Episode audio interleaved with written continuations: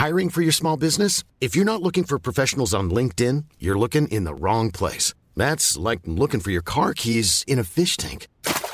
LinkedIn helps you hire professionals you can't find anywhere else, even those who aren't actively searching for a new job but might be open to the perfect role. In a given month, over 70% of LinkedIn users don't even visit other leading job sites. So start looking in the right place. With LinkedIn, you can hire professionals like a professional. Post your free job on linkedin.com slash people today. Nu kommer attack ifrån Sugarcane Hanover som går mycket, mycket fort tycker jag. Det är så fort så jag tror att Kallit kan få svårighet att svara. Sugarcane Hanover vänder ut och in på fältet. Startbilen är i rörelse till Svenskt travderby 1987. What the horse, what the driver, nummer ett McLobell och John D. Campbell. Resultat av tredje loppet, Elitloppet SAS första försöksavdelningen. Segrare nummer sju, Marcon Lepp. Maharaja, la Suède. Maharaja s'est retrouvé. Le retour, le comeback de Maharaja le 17. Vid mina tillfällen. Jag trodde att det var en av de bästa hästar jag hade tränat för. Jag tolkades på olika vis. Du behöver inte misstolka det längre, för det här är den bästa häst jag har kört och tränat någon gång. Barenne, me gusta, me gusta, me gusta! Un classico, no problem! Barenne, facile, alla me! Om ni är på tårna så slår nu klockan 04.00 mell- natten mellan måndag och tisdag. För det är nämligen då podden läggs ut numera. Så eh, förmodligen är klockan lite mer för de flesta. Men Är det, någon som, är det någon som lyssnar 04? 04.30 tror jag det finns någon i alla fall. Ja. Men eh, hur som helst, när ni än tar er an det så är vi hjärtinnerligen välkomna då till ett, ännu ett avsnitt av Trottosports podcast. Ska vi börja med Who's Who direkt? Ja, eh, det sa inte så mycket det där loppet. Eh, Men än äntligen att- pir, pirrade det ändå till lite i eh, travtrakt, Ja, vi fick- magtrakten. Vi fick ju se att han är i livet. Ja, Och att han går en, det kan man inte bedöma men det blev ju ganska enkelt när, när Clickbait, eh, Magnus A. Djuse överlät ledningen. Men han såg fin ut och eh, det här var ju då första avstampet mot det Elitloppet som Pasiaiku siktar på. man är ju rätt...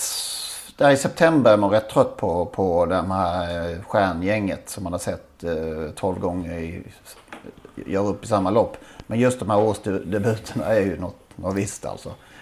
I slutet av februari är man också rätt trött på de här gulddivisionerna man har sett eh, i rätt länge också. Så det är befriande när de kommer tillbaka de här. Det hör ihop lite faktiskt. Ja. Ja. Vilka väntar du på nu då Henrik? Årsdebuter? ja, vilka är det mer nu då? Det är Don Fanucci Zet kanske snart? Ja, han är redan inbjuden. Ja, just det. Verry Kronos kanske? Nu, nu kommer Åby bli arga på dig att eh, vi glömmer bort eh, Paralympiatravet som vanligt. Att det är bara Elitloppet som gäller. Nej men vi, eh, vi, har vi siktar ju lite längre fram men det är klart att att eh, Barry Kronos är väl kanske för Paralympiatravet. Eh, Hosor ska ju gå den vägen naturligtvis, det är ingen tvekan. Nej, Och som du säger Don Fanucci sett vet jag inte när Redén har tänkt att visa upp honom. nej. Början på april kanske. Det kommer några utav de här nu. Ja, vad är det mer då som vi suktar efter? Suktar efter, det var också ett uttryck. Eh, Önas prins, årets häst i fjol. Tydligen eh, ordentligt nöjd eh, Per Nordström i ett jobb här va? Nyligen. Han blev ju inte årets häst, men han var årets häst för mig. Ja, det, och sprinterdistans där i Elitloppet. Jag vet inte, han kanske kan vara aktuell för Olympiatravet, vad vet jag. Eller går han en annan väg? Tar en annan...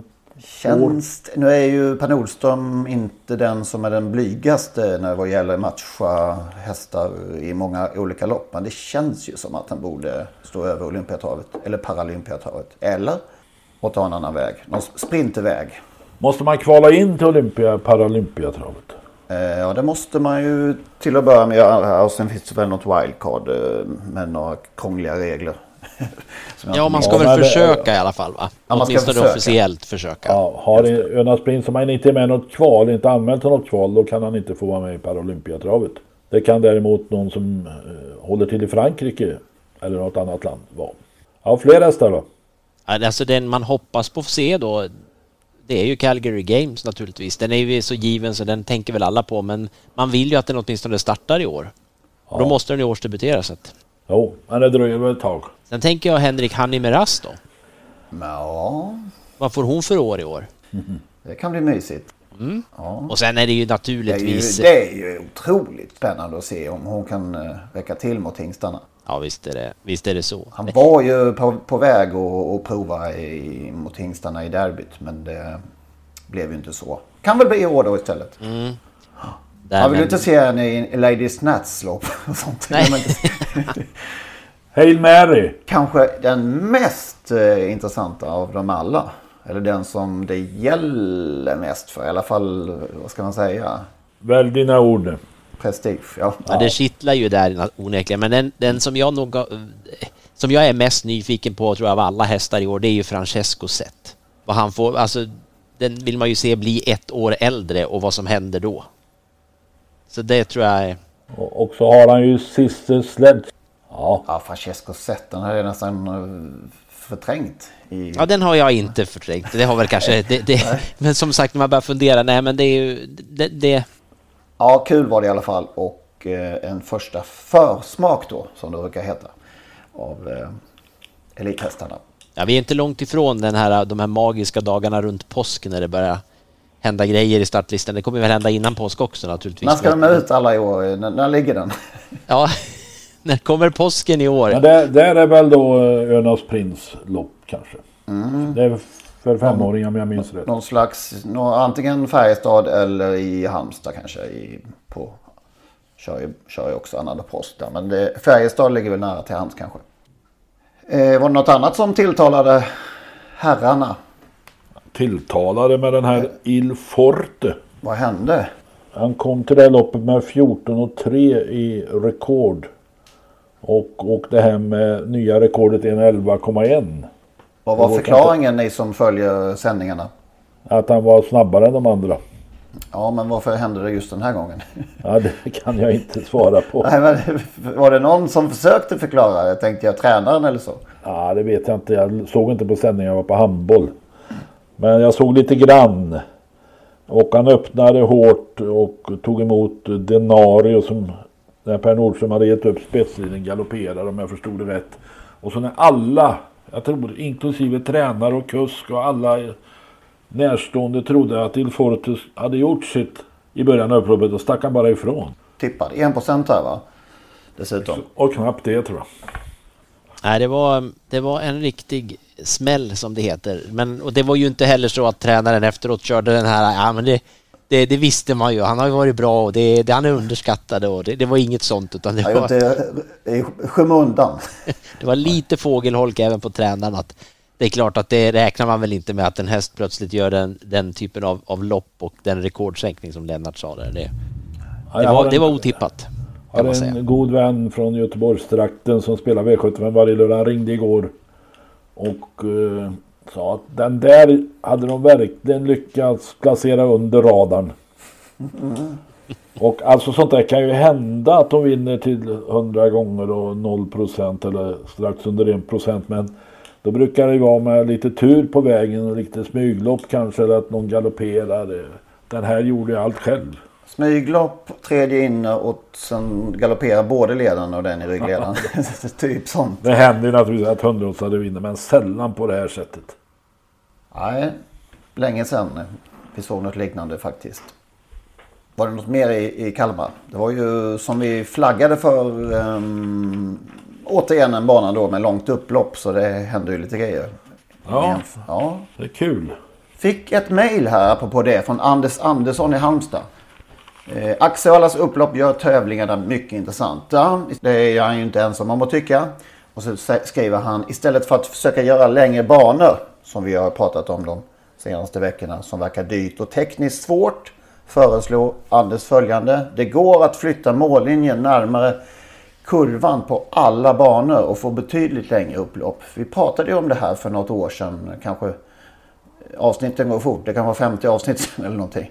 Och hade ju bland annat kontakt med Örebrotravet som ju ja, har ett av landets, kanske det kortaste av alla tusenmetersbanor va? Ja, det kan nog vara så. Och där det faktiskt finns plats. Och eh, Robin Törn, den då nytillträdde vdn, var ju inne på det. Att eh, ja, de skulle ta en rejäl funderare i alla fall på och gö- göra slag i saken där. Eh, annars är det ju på vi- vissa banor ligger väl mållinjen redan för nära kurvan. Så att, eh, jag håller väl inte riktigt med Anders här om att det går att flytta den på alla banor. Det är ju en säkerhetsrisk ändå att ha den för nära kurvan. Ja, men säkerhetsrisken, de kommer ju in. Det är inte så att det är en vägg som står där. Det är en kurva. Ja, jag vet inte. Men det går fort från start in i första kurvan. Så att, ah, den, ja, Okej. det är klart. Solvallas till exempel, där kom ju kurvan väldigt fort efter eh, mållinjen. Ja, jag vet inte. På många banor går det säkert, har han säkert rätt i. Problemet är väl att det, att flytta mållinjen ett antal tiotal meter. Det är ju kostsamt att flytta måldomartorn och... Men måldomartornet var vi inte inne på. Varför, varför måste det finnas på mållinjen? Det räcker väl med att en egentligen inte. eh, målkamera... eh, Ja, men man måste ju ha något ställe att eh, placera målkameran och det, Mm. Man kan ju inte stå på en stege. Men eh, det är klart att det går att lösa. Det är kanske bättre för måldomaren att sit- sitta 50 meter innan mål. Det tror jag också vi var inne på när vi resonerade kring det. Att det inte borde vara någon nackdel. Säkert finns det flera banor som kan flytta i alla fall. Ja, vi kan säga det för att eh, inte någon ska behöva mejla så eh, Visby har ju 156 meter. Det är Sveriges kortaste upplopp på en 1000 meters bana i alla fall. Ah, ja, just det. Det har ju det i kort som rackaren där ja. ja. De gick lite under radarn. Även de. Exakt, exakt. Men jag tycker det är intressant ändå det här Va, hur, vad har vi på Örebro? 177, ja, Örebro är 175 meter långt. Jag funderar just på det här med vad är när börjar vi säga att de har ett långt upplopp? Är det 200 meter eller som Kalmar 207 meter? Vad, var säger vi att de har, en bana har ett långt upplopp? Är det 207 meter och uppåt då? Jag tycker gränsen ska gå vid två, minst 200 meter. För där har vi rätt många banor. Det, det Solvalla är är ju några, 196 tror vi. ja, det är lite olika bud vad hur långt Solvalla är officiellt enligt, enligt tra, Svensk Travsport, vad heter det? Travsport.se, SD, så är den 200 meter. Det har alltid varit 194, sen såg jag någon uppgift på 196. Men för Ja. mig är det, alltid, är det 194. Det är intressant vad de här, det, det är en konkurrensfaktor här så banorna har börjat skruva lite på, på siffrorna. Ja, det var som när eh, jag skulle sälja en lägenhet en gång och eh, mäklaren, det gick trögt i första visningen. Och då då eh, tyckte mäklaren att vi skulle eh, ta dit en mätare, alltså en, eh, vad heter vad kallas det som var? En eh, besiktningsman. Eller Ja, är. ja du menar en gubbe eller en tant. Och då tyckte mäklaren att vi kunde ge den här besiktningsmannen en, så att säga en chokladkaka. Så, Ja. så, att, så att de fick upp, fick upp kvadratmeterantalet. Det är lite samma här att de... de Hur gick det? Ja, det, vi fick, vi, han fick upp, han fick upp eh, två Och kvadrat. du mutade med en eh, chokladkaka. Två kvadrat tror jag vi fick upp den, eller om det var tre. Och sen Kunde han vi inte fått en chokladkaka per kvadrat? Nej, jag vet inte. Jag, jag var inte med i själva eh, genomförandet av, av denna gåva. Nej, det ska men- du vara tacksam för. Ja, men det är lite samma här kanske med, med, upploppets längd då. Att de vill gärna puffa till det lite. Apropå det så missförstod vi möjligen Anders Lindqvist en smula när han, eh, eller vi sa att de flesta banorna enligt honom var 1100 meter i Frankrike. Han menar ju på att de han gillar bäst av alla banor han besökt, och det är många, så är det 1100 meters banor. Ja. Han tycker de är mest publikvänliga och har ett lagom långt upplopp. Var det inte så vi sa ungefär? Ungefär, men jag tror att vi uttryckte att, han, att det var mest 1100 meters banor överhuvudtaget i Frankrike. Och så är tydligen inte fallet. Han har skickat ett par bilder eh, för, för övrigt på hemska banor som han tycker med eh, horribla kurvor. Jag kan lägga ut det på vår Instagram kanske. Så kan vi se vad Anders Lindqvist inte föredrar.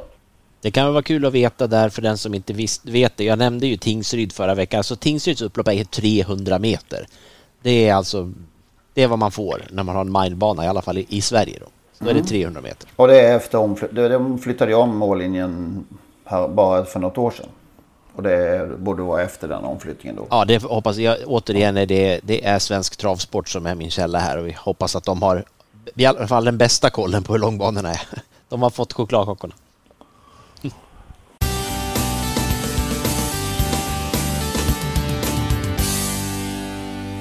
Ytterst tråkig nyhet, inte minst för hästens tränare såklart. Ulf Stenström och ägare och, och skötare och allting. Eh, Hanson Brad eh, skadade sig alltså illa i veckan eh, som gick här. Jag vet inte om det var i helgen. Är lördags tror jag det var. Och gick inte att rädda. Och det var ju såklart förskräckligt. En häst, visserligen kanske inte mitt i karriären, men han hade i alla fall ogjort på banan fortfarande. Vi kan väl höra här hur uh, Ulf uh, uttalar sig i Radio Skaraborg.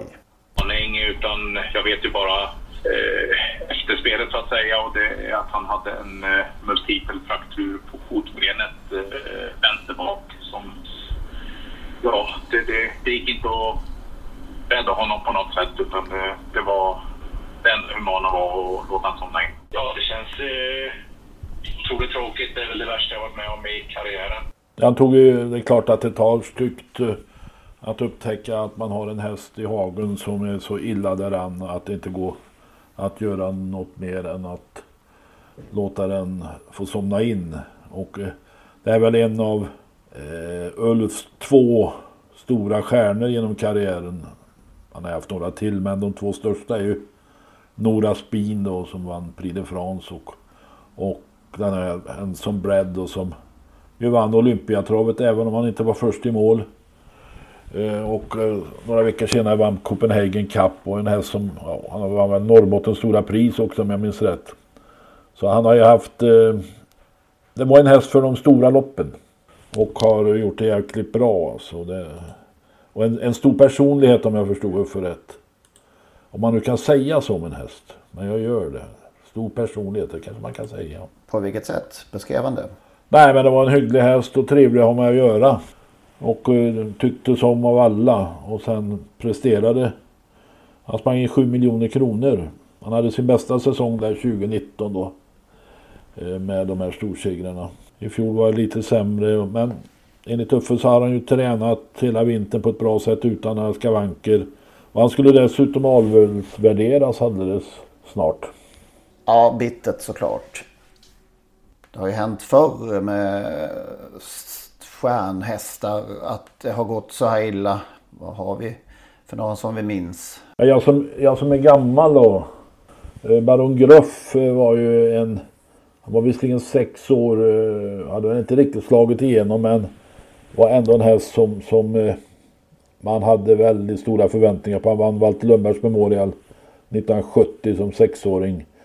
Han blev sjuk dagen efter och hamnade på veterinärhögskolan. Och hans kamp mot döden om man får säga så eh, följdes ju av, eh, ja, inte hela riket men de travintresserade riket. Expressen hade väldigt hård bevakning. Och eh, kom också ut med en, en löpsedel första sida när han hade somnat in att det är slut nu pappa. Och det var sonen Rolf Nordin som då hade ringt till sin pappa Gösta och meddelat att, att, att hästen hade avlivet. Det var ju någon tarmsjukdom som han gav namnet till. Baron Gröff-sjukan. Eh, som eh, enligt eh, det jag har läst framkallas av stress och eh, kanske allt för mycket kraftfoder. Får jag ta en till där? Bland de riktigt stora. Bland de allra största. Den största. Kan det vara Rättvik? Ego Boy. Var ligger han begravd? Ligger på inneplan i Rättvik på travbanan. För, förlåt. Det tas upp varje, varje ja, år. Det kan... ja. ja, det gör det naturligtvis. Ja, ja. Vann ju lite, alltså på något sätt eh, hästen som fick svenska folket att bli intresserade av, krav, av trav. När han eh, vann Elitloppet där i skiljeheat mot den amerikanska storstjärnan Flower Child och Joe Bryan.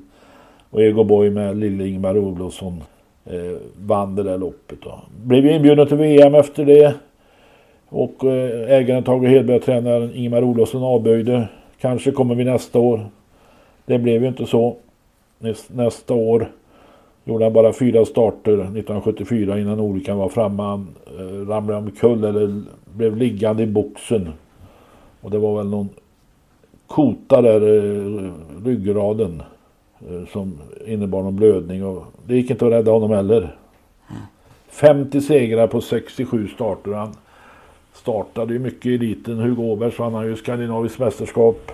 SM, Grote Pais, de Lagerlanden. Och några till. Jag tänkte på Alfa Vinci är väl den färskaste i raden om man tar bort uh, Hanson Brad som ju uh, ja, skadade sig i uh, Frankrike va? Ja, i lopp. I lopp var det till och med. spräckte ner som man säger i lopp och eh, samma där en så illa skadad. Han blev så illa skadad att man fick ta, ta honom av daga. Joke Face, eh, visserligen inte i tävling. Det var ju ett par år efter att han hade slutat och ägnade sig på heltid åt avel och eh, drabbades ju av kolik och hastigt eh, insjuknat. Olyckan i Italien är tre Au, topphästar. au, den har vi tagit upp tidigare. Det var Ja. ju förskräckligt. Eh, tre stycken i samma hästbuss. Park Avenue Catty, Meadow Prophet och First Seed. Sen har vi en, en som är färskare och eh, om inte annat på väg kanske att bli en, en stjärna redan. En, en stor profil var ju Farlander Am som var, det är ganska precis ett år sedan som vi förlorade Farlander Am. Det var ju som sagt, en, om inte annat kanske en blivande stjärna. Han hade ju börjat, han vann ju V75-lopp, det minns vi alla, det är så färskt så att eh, Exodus Hanover. Detsamma och Aramis Bar. Det är två färska som har tvingats sluta alldeles för tidigt. Sen kan man väl nämna Ina Scott som inte fick sluta för tidigt men eh, hon var ju ändå i, i god vigör när hon skadade sig i hagen. Eh, det var väl i december 2016 hemma hos Carola Dahlström som under en period skötte henne hos pappa Kjellper då. Skadade sig i hagen så hon fick avlivas. Hon var 24 år så hon var ju på ålderns höst kan man säga. Och sen har vi nyligen eh, två berghästar. Vikens High Fi- Yield och Chestnut Boye här. Som eh, har tvingats också vandra den vägen.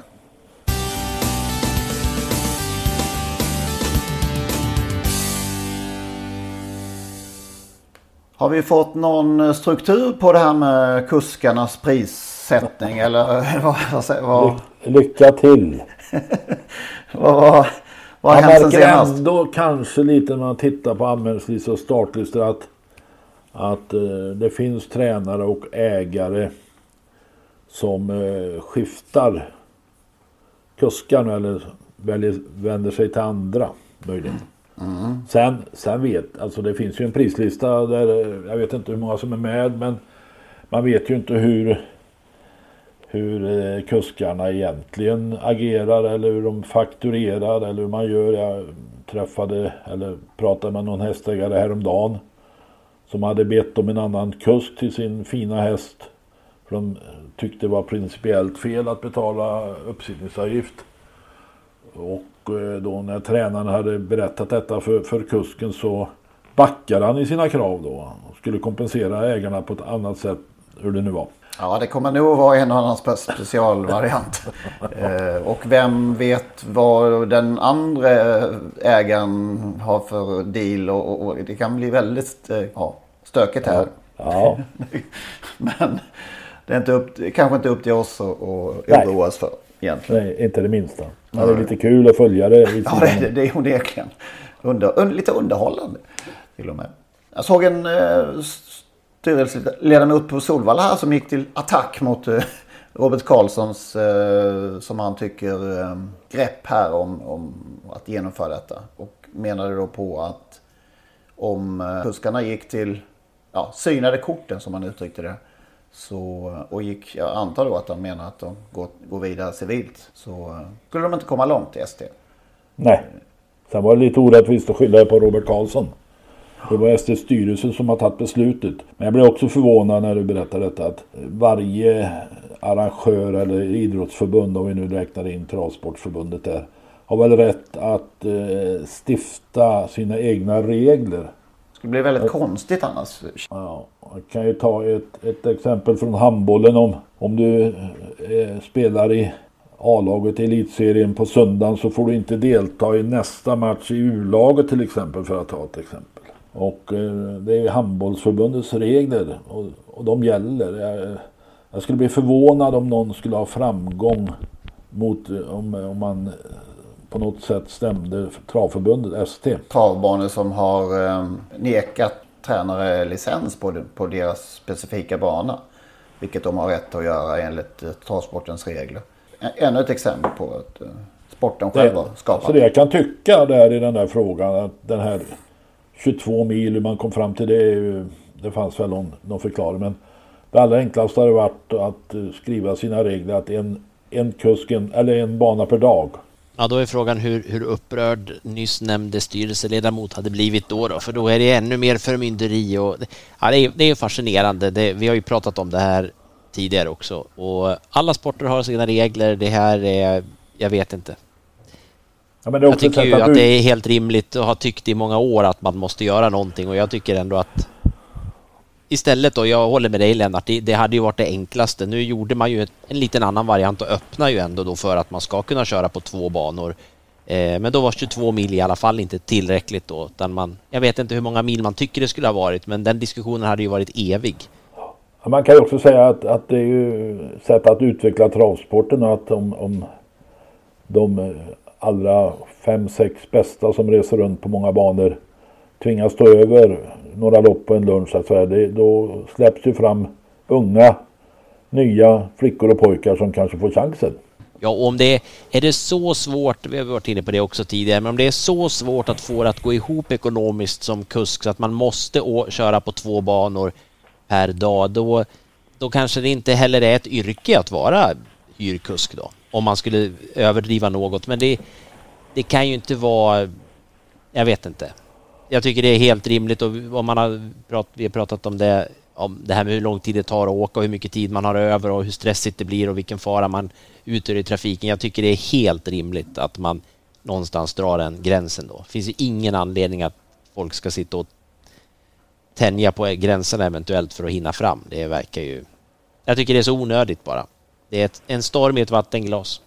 Nej, men det fokus som har blivit, nu upprepar jag mig igen men, och, och oss, men, men vi, vi, har ju pratat om det tidigare. Det, det, har blivit sånt jättefokus på kuskarna här och både då både kring det ena och det andra, både med de här avgifterna och sen den här avståndsgränsen som kom. Det, vi har andra grejer inom travsporten som, som borde diskuteras ju istället för någonting som berör väldigt få en sak skulle kunna vara att det finns allt färre hästar för de här kuskarna att köra.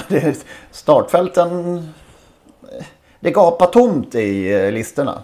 Det ekar tomt. Det ekar tomt. Och eh, nu har vi inte statistik men vi, eh, framför oss. Men det är en känsla och vi pratade ju statistik för ja, kan det vara en månad sedan eller två. Där um, Svensk Travsports siffror från i fjol visade att det är en rejäl minskning eh, vad gäller antal hästar start, startande hästar i, i loppen. Hur ser det ut på Solvalla imorgon till exempel?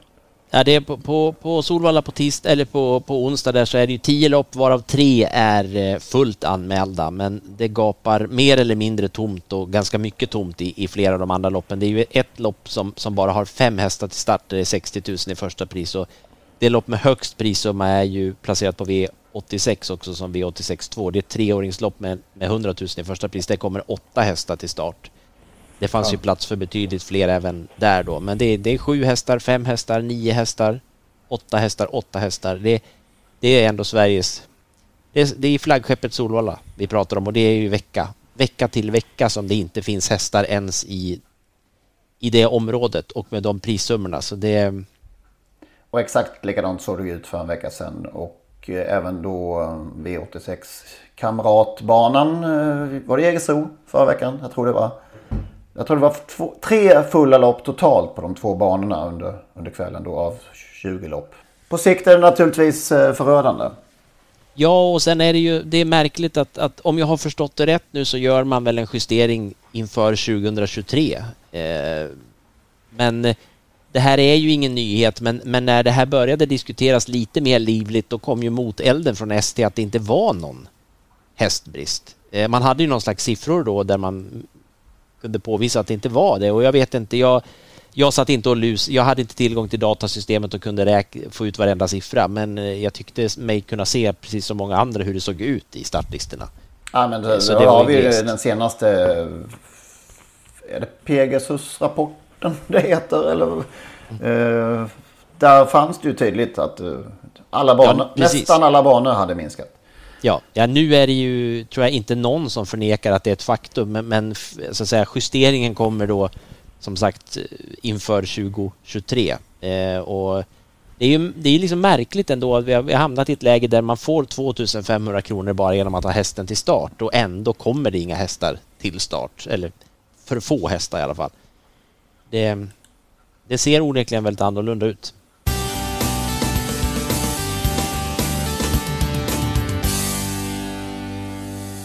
V75 går alltså på Åby på lördag. Snabbast på knappen. Rött eller grönt? Eller vad på... Ja, typ. Vem, den som är snabbast ropar ett namn. Är det så man brukar göra? Vem har flest championat? Olle Goop eller Algot Scott? Lennart. Ja. Olle Goop. Har du något eh, mothugg på det, Magnus? Nej, jag hade ju ropat Algot och då hade jag blivit diskad för jag skulle ha sagt mitt eget namn. Men jag hade tänkt säga Algot Scott då. Okej. Eh, ja, det är rätt faktiskt. Det var lite lur ändå. Var, du- var du helt säker? Undrar om inte Björn Goop har vunnit fler än Algot också. Nej, det är långt ifrån. Det är långt ifrån. Oh, oj. 25 Olle Goop. 73 till 98 i streck. Ja. Eh, Algot Scott vann kuskligan totalt 19 gånger. Så det var alltså Olle? Jag, jag, Okej, det var alltså det var ja. Olle, det var Olle. Så att det inte... Men eh, ganska jämnt ändå. Jag tyckte det var lite lurig ja. Men, men eh, ja. Algot Scott var ju en av de här fem som möttes i den första tusenklubbsmatchen. ja Okej. Fem alltså. Det var fem som möttes i den första, det kanske inte hette tusenklubbsmatch, men det var de som hade placerat tusen segrar som möttes. Jag tror det var på Färjestad. De kom fram till det att när det är fem då, då kör vi en match. Ah, det var väl någon som födde idén då kanske. Ja, ja. Vilka var de övriga fyra då? ja. Någon Ragnar kanske? Rag Ragnar var ju med naturligtvis. Som du Algot Scott väl började hos? Ja, Eller? ja det tror jag. Ja. Ragnar var med naturligtvis. Och sen, nu är jag osäker här, men jag tror att det var Gösta Nordin och Sören Nordin. Också en Färjestadstränare där. Algot Scott vann också i stort sett de här 19 gångerna i rad. Det var Fritz Ekbäck som luggade honom på titeln 1955 med en ynka vinst. Ja, som sen körde ihjäl sig på väg hem tror jag från Jägersro. Oh, Men den femte där var Folke Hjalmarsson. sådär. Tror jag. Jag sitter och fusktittar lite på tusenklubben. Gösta Nordin var först, sen Algot Scott, Folke Hjalmarsson, Sören Nordin, Gunnar Nordin. Ragnar Torngren var sjätte då. Så då det kanske var- var en nordinare som, inte, som lämnade återbud. Ja, det känns så. Det fick räcka, det kan inte vara 50 procent. 50 procent i tusenklubben heter Nordin. Det, det blir för svårt för publiken. Alltså Algot Scott vann ju också allsvenska kuskligan en 11-12 gånger. Ja just det, det gjorde han. Det har du helt rätt i. Ytterst sällan han lämnade. Alltså det var ju så sällan han åkte. Han åkte till Axford någon gång, till Årjäng någon gång, till Jägersro, till Solvalla med någon enstaka häst. Men de höll ju sig hemma på sina banor. Det var inte tal om att köra på två banor samma dag. På den tiden, det kan jag garantera. Och han har ett eget lopp nu på lördag. Ja. Algot Scotts minne. Precis. Och det var därför jag skrev, skrek tidigare när jag blev nedtystad. Stole the show är omgångens mest intressanta häst. Är den eh, så intressant så att eh, det är bara för folket där ute och spika? Ja, det tror jag i och för sig, men jag tänker inte bara på det här loppet utan eh, bytte ju ägare och tränare i höstas. Den här hästen vann ju Norskt kriterium om jag minns rätt för Marcus Lindgren. Såldes i höstas till sam, en av delägarna i Ecuridé och flyttades till Frode Hambre och jag tror den har gjort sex starter, eh, fyra segrar och tre andra, sju starter, tre andra platser och ni kanske minns det här nya vinterloppet på Bergsåker där han spurtade magnifikt bakom din vinnare där eh, Stålberg. Eh, Milligan School.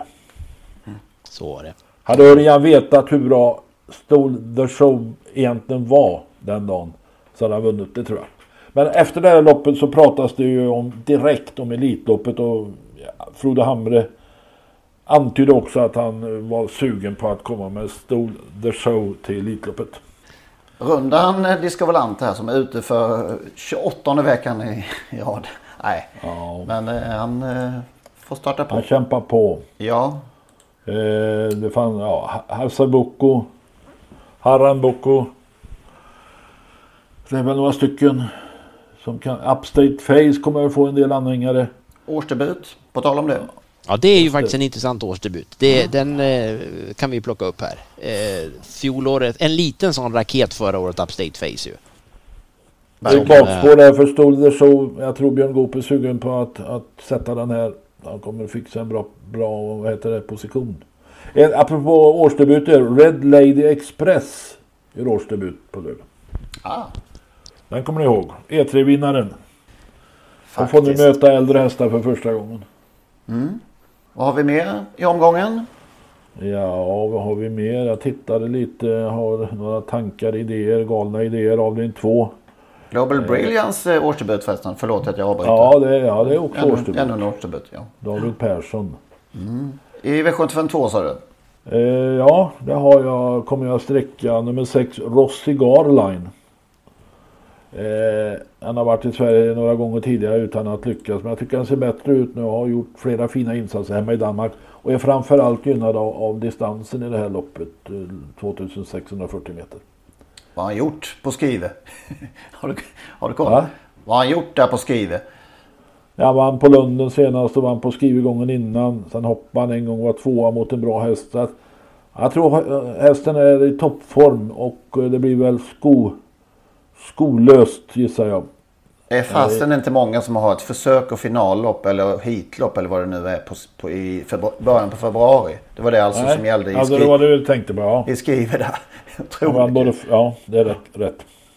Vad var det mer jag tänkte på? Jo, det- fjärde avdelningen. Eh, Alltså den hästen har helt plötsligt hittat lite vinnarform. Benita Winner har två raka. Tidigare har det inte varit mycket att skryta om men eh, sett bra ut och så Carl Philip Lindblom spår 1. Ja det gillar jag. Eh, har ett, ja. Donna som står 20 meter efter är väl eh, ganska bra när hon fungerar. Men senast galopperade hon ju på Kalmar där va? Eller i Kalmar. Tror det var i Kalmar. Det var i lördags ja. Donna. Efter G kommer G sa alltid en eh, gammal kollega till mig när jag jobbade på Travnet. Efter G kommer G. Okej. Men var den gamla kollegan? Vill man lite nyfiken Ulf på. Nilsson. Ulf Nilsson var det som slog till med detta. Ja, han hade många visa, visdomar att komma med. Och så var han en jäkel på att eh, kolla avföringen i boxarna va. Även eh, misstänkt för, vad var det nu för spektakel? Ja. Eh, det har vi tagit upp tidigare det också tror jag. Men, men eh, För att dopat en häst på Jägersro. just det. Han letade efter avföringen då smög han omkring där lite. Det är ju fantastiskt. Åby, vad har vi annars där? Eh, ingen kan ju numera ha fler gratis, gratis tittare i åtminstone vårt land. Kan det vara hela världen? Med alla dessa um, bostadskomplex på borta långsidan. Ja, men Mm. tror, tror du någon är intresserad? Ja, jag hopp, man hoppas ju att någon, några har i alla fall har, har, som är travintresserade har köpt. Fantastiskt läge. Det är kanske där alla, alltså därför ingen publik på banan eh, på vanliga torsdagar. De, de sitter i sina lägenheter. De köpte lägenheterna när de byggde. Äntligen tänkte de. Jag tänkte på det när jag såg, tittade på ett lopp på Lunden. Charlottenlund. De här fantastiskt fina villorna, husen som ligger i, på bortre långsidan strax. Ja, det är, en, det är fantastiskt hur det ligger fint eh, Charlottenlund alltså. Otroligt mysigt. Alltså jag tänkte, man köper väl ett hus, man vet vad, vad som är bredvid och så, men sitta där på söndagar och höra travreferat hela dagen. Nej, precis. Jag tänker också på det. Det- Och Solvalla eh, har ju också ett eh, relativt nybyggt område precis i, i, i faggorna. Eh, Det blir ju lite liv ett- några timmar. Helt Jo, det finns väl idrottsplatser i Sverige som har varit hotade och kanske är det fortfarande på grund av att, att när, nära boende tycker att det är sånt liv när det spelas fotboll och annat. Så att det är kanske... Men på Gamla Ullevi var det ju så att man var tvungen att mäta för att eh, de som bodde i husen nära, nära där tyckte att, att det skakade så förbaskat när, när supportrarna eh, härjade som värst. Va? Jo då, jag hade en bekant, han bodde där. Han, han kunde vittna om det. Jag var aldrig där när det hände, men han sa att det kändes i huset när det var, när det var tryck på Ullevi. Ja, det är rätt. Det ska, det ska kännas. Har vi sagt hur långt upploppet är på Åby förresten? Det har vi inte. Nej, 180 meter. Men då har de ju två upplopp höll jag på att säga. Det har, de har dubbla open stretch. Ja. Ja, tre. Det är så kort alltså. ja. Enligt ST fortfarande då. Så Ja. Vi får väl se efter det här avsnittet om, om ST går in och tittar om de här siffrorna verkligen stämmer. Det, nej, men 180 meter står det. Det, det är rätt så trevliga lopp på Åby faktiskt. Det måste jag säga. Det är sista, är det silverdivisionen där. Mm. Det är ju jäkla lopp alltså. Ja, jätteskoj. Hästar. Alltså Sweetman, Unico Broline, Phoenix Photo, Fire and Fury, ja. Good Point var med senast så bra. Barrow Tona Artist. Gopanon Innovation Lab och då har vi inte nämnt Randemar RD. Är det lite, Ja, kul. lite första vår eh, feeling V75-omgången? Ja. Synd att det går på Åby då när man inte har vunnit sedan de införde Open Stretch. jag, tror, jag tror inte... Kanske dags för Sweetman såg bra ut senast. Nu tar han ledningen utan några större problem. Samtidigt var ju inte skötaren var ju inte riktigt, alltså innan där vet katten om jag håller med att Sweetman såg bra ut för det, han såg, i loppet blev han ju fast och då såg det ju ut bra ut men innan var ju till och med skötaren lite tveksam. Hon tyckte inte riktigt att hästen såg ut som han, han borde göra men, men eh, de var ju nöjda när han satt fast så att säga då men det var han har kanske något att visa ändå om det är tillfällig formsvacka eller om det är, det kanske var nyttigt att sitta fast då. Har du något i, i övrigt eh, Magnus? Ja, jag, jag, en häst nu. Jag tycker det har varit formsvacka länge när det har kommit till de här poddviddarna för min del. Men den här veckan tycker jag det är jätteroligt V756. Eh, Ola Samuelssons Olga Toma. Som Adrian kör från springspår i, i diamantsto försök där. Hon gick ju nästan lika fort som den här Darlington Fame senast. Tappade väl någon meter, men, men hon satt ju sist i det loppet som Darlington Fame satt nästan sist i och de gick ungefär lika fort som sagt på upploppet. Och, och gången före körde Jorma ganska offensivt efter... Han gick ju, lämnade innerspåret på slutvarvet och gick, gick, upp, gick upp utvändigt ledan där, men fick ge sig mot Karna Sensei och Cash and Carry. Men eh, springspår och eh, Adrian och eh, toppform och står jättefint inne i loppet. Det är 300 kronor under de 250 000 som gäller där så att Olga Toma vill jag definitivt varna för. Den är intressant. Jag tackar för detta. Eh, På tal om Åby så har de ju en eh, ny tränare på väg in. I alla fall en filialtränare från Italien. Gennaro Casillo tror jag det ska uttalas. Som ju är en stor tränare från eh, Italien. Tycker ändå man ska nämna att han har lite dopinghistoria bakom sig. Oj då. Eh, ja, eh, dels ju Olle Deventi som ju blev fråntagen segern där i eh, Oslo Grand Prix va? under ett år. Eh, och fick ju böta 500 000. Det var ju någon kortisonhistoria. Vad värre är att han ju 2016 var tränare till en häst som heter Ubj. Och eh, som i ett treåringslopp 2016 blev tagen med testosteron. Ett anabola preparat helt enkelt. Hästen avstängdes två år. Det är i lego i, i Italien när det handlar om anabola preparat. Så att, eh, ja. Jag vill ändå nämna att det finns lite frågetecken där kanske. Eh, Lik i garderoben. Apropå lik i garderoben så säger jag att Sakon Gio ska starta, eller i alla fall anmäld till eh, Grand Criterium de Vitesse. I Cansumer i Nice på söndag är det va? Hästen tränas ju tidigare av Basir men har nu flyttats till Holger Ehlert av det skälet att Basir har- ju sagt att han inte vill vara med i Elitloppet under inga omständigheter. Eh, då är vi där. Sakon Gio till Elitloppet. Då måste han byta tränare ytterligare en gång. Om han ska bli inbjuden. För Ehlert står ju på svarta listan. Eller röda eller vad det är. Och då frågar man sig. När går gränsen för detta tränarbyte? Ja, vad var det som uttrycktes nu av Anders Malmroth? Det ska eh, värderas från fall till fall. Ja, just det. det. Och, då, och då ska det målvakt in här alltså. Och vem blir den målvakten? Det återstår Ja, det är ju knepigt det här helt enkelt. Får man säga. Jag ska säga att det var ett lopp i Aversa den 2 oktober. Nej, den eh, 20 januari 2016. 20 januari 2016. I Aversa som den här Ubj åkte dit för testosteron. Hur går det i, eh, på Rivieran då? Ja, det vet man ju inte. Nej, Vivid det blir väl. As lär väl bli eh, ganska stor favorit. Han har vunnit två år i rad va? Och som sagt förmodligen den andra Elitlopps... Eh, Den är redan inbjudan. inbjuden skrev Tarzan i sin krönika i Expressen i veckan. Jaha, okej. Är lite fördröjning där. Fick även eh, en påringning i veckan om att, eh, apropå att du sa att Hans Petter Tolsen på eh, vid något lopp på Solvalla. Hypersonic. Var det inte Hypersonic? Ja, just det. Nu stod det i programmet att det var 2140 eller vad det var. Ja. Inte 2141. Så ska ju Stig och Johansson tydligen ha sagt samma sak till Hans von Rosen efter derbyt.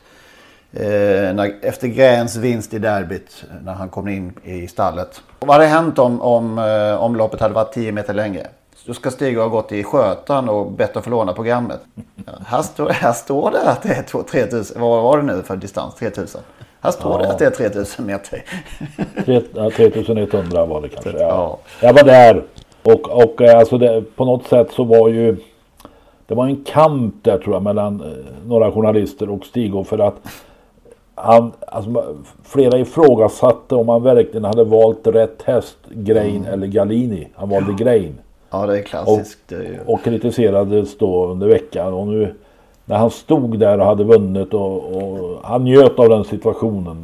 Där, där hade han lite eh, show helt enkelt. Ja, men han fick... fick på, sitt, på sitt lilla sätt. Knäppa oss på näsan. Tillhörde du Galini-falangen också? Nej, jag kan inte minnas att jag hade någon åsikt. Jag utgick från att han valde rätt häst. För Grain var ju utan tvekan den häst man tyckte såg bäst, eller ja, den man tyckte mest om. Var du där när scenen utspelade sig? Ja, inte det där med von Rosen och programmet men eh, jag minns när vi stod där nere och, och eh, Johansson var lite kaxig om jag får säga så. Mm. Ja, man hade velat se det alltså. Hörru, kan jag få låna programmet? det är underbart. Ja. Vi säger väl så va? Eller har vi något ytterligare innan vi tackar för oss? Nej, om vi, ja, nej det... Ska vi tacka Benny Terneman som, Benny Ternemar som en av eh, våra Swish-givare? Jag kommer att träffa Benny idag. Idag tisdag på... Kan du ta tacka honom i hög person också? Idrottshistoriska sällskaps årsmöte där Ternemar är sekreterare. Se där ja. Ja, ja. Han är en av de som eh, bidrar och eh, vill ni också göra det så är vi tacksamma antingen som Patreon-prenumeranter eller som via Swish då. Eh, man går in på trottosport.nu och kollar på Störta Trottosport. Så hörs vi om en vecka. Ha det gott! Hej då, hej då!